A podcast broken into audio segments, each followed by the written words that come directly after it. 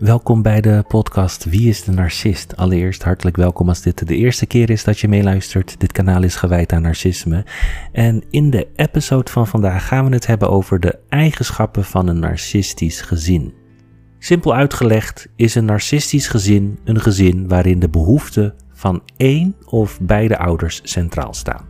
Van de kinderen moeten voorzien in de behoeften van hun narcistische ouder of ouders Daarmee staat het normale idee van een gezin op zijn kop.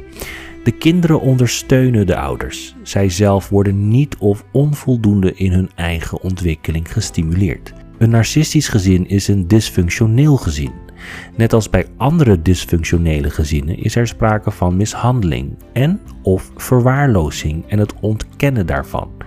Er wordt niet verwacht dat je met anderen bespreekt wat er binnen het gezin gebeurt. Verder is er sprake van onrealistische verwachtingen, een gebrek aan medeleven, worden grenzen van de kinderen onvoldoende gerespecteerd en spelen er veel, soms onuitgesproken conflicten. De eigenschappen van een narcistisch gezin. Binnen narcistische families zijn er ongeschreven regels die bepalen hoe de gezinsleden met elkaar omgaan. De regels zijn niet expliciet en waarschijnlijk ook niet bewust, maar ze zijn er wel en houden de ongezonde patronen in stand. We gaan het hebben over een overzicht van deze typische kenmerken van een narcistisch gezin. Nummer 1. Acceptatie is altijd voorwaardelijk in een narcistisch gezin. Kinderen moeten zich bewegen binnen de regels en verwachtingen van het gezin.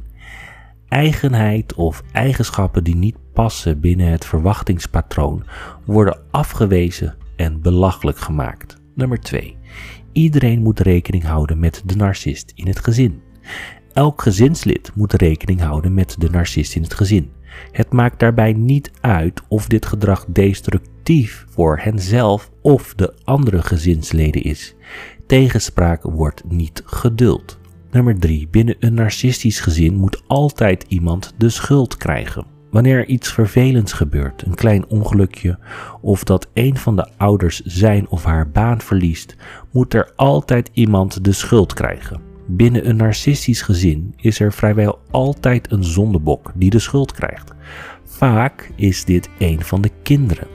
Negatieve emoties en oordelen worden op hem of haar geprojecteerd. Nummer 4. Kwetsbaarheid tonen is gevaarlijk. Fouten Ongelukjes, persoonlijke zwaktes worden breed uitgemeten en kunnen reden zijn om je voor schut te zetten, je belachelijk te maken en je uit te lachen. Dat kan jaren doorgaan. Je kwetsbaar opstellen is geen optie. Nummer 5. Je moet altijd een kant kiezen.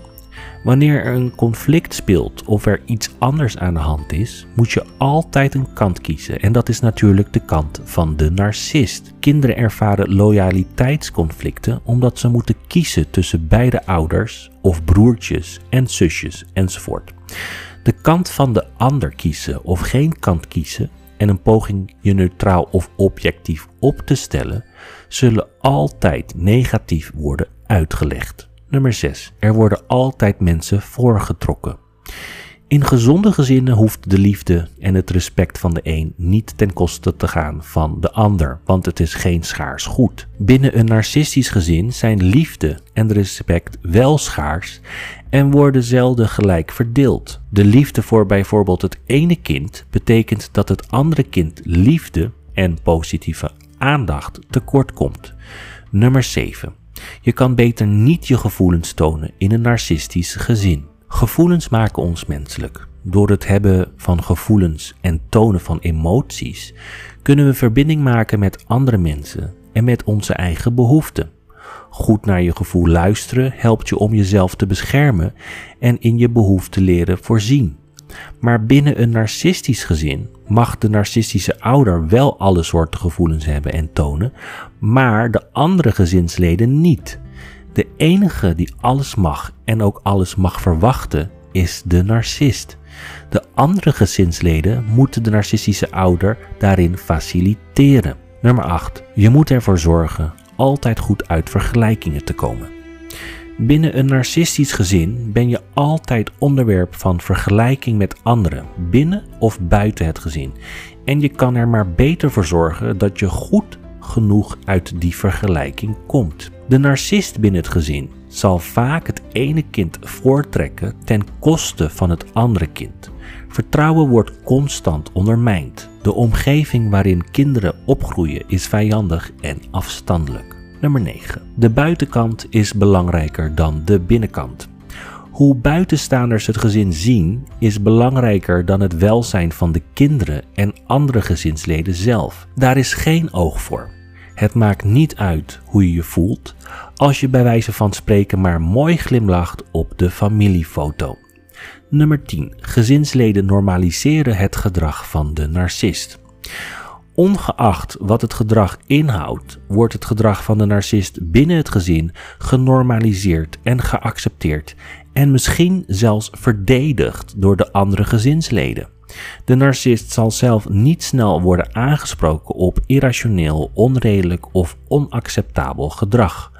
Andere gezinsleden daarentegen, bijvoorbeeld de eerder genoemde zondebok, krijgt wel de schuld. Of dit feitelijk juist of rechtvaardig is, dat doet er niet toe. Zorgen dat je zelf niet de zwarte piet krijgt toebedeeld, houdt je al dan niet tijdelijk min of meer veilig. Nummer 11. Ontkenning is the name of the game. De narcist binnen het gezin zal niet aangesproken worden op zijn of haar gedrag. Hij of zij zal zeker zelf bij een fout geen oprechte excuses aanbieden of enige mate van zelfreflectie tonen. Dus worden veel zaken behendig onder het tapijt geveegd en met verve ontkend. Dingen die domweg ontkend worden zijn bijvoorbeeld mishandeling, de doorlopende angst en dreiging binnen het gezin, het onterecht afgeven op de zonnebok binnen het gezin en tenslotte de verwaarlozing van de kinderen en mogelijk ook de niet-narcistische ouder. Wat er ook gebeurt, het ligt nooit aan de narcistische ouder. Nummer 12. Veiligheid is ver te zoeken. Hoewel de zonnebok altijd een dankbaar figuur is om al dan niet figuurlijk tegen aan te schoppen of verbaal te mishandelen of te negeren, passen ook de andere gezinsleden doorlopend op hun tellen. Ze willen vooral niet op de lange tenen van de narcist trappen. De gezinsleden moeten doorlopend voorkomen dat de vlam in de spreekwoordelijke pan slaat. Ze moeten voorkomen dat de narcist een woede of andere emotionele uitbarsting krijgt, waarvan ze aan de ontvangende kant kunnen eindigen. Een narcistisch gezin is uiteindelijk alleen veilig voor de narcist. Ieder ander gezinslid kneedt zich vaak onbewust naar de verwachtingen en behoeften van de narcist in het gezin. Ja, dat zijn de eigenschappen van een narcistisch gezin. Ik hoop dat het een interessant onderwerp is geweest voor vandaag. Als dat zo is, laat je comments achter in de commentbox op mijn YouTube kanaal. Dat stel ik op prijs, ook als je je abonneert natuurlijk. Um, zoals ik al in eerdere episodes heb gezegd, uh, ik zie heel veel comments in de commentbox en dat vind ik heel mooi, want daardoor kunnen andere mensen je ervaringen zien en lezen en misschien herkennen ze zich er zelf in.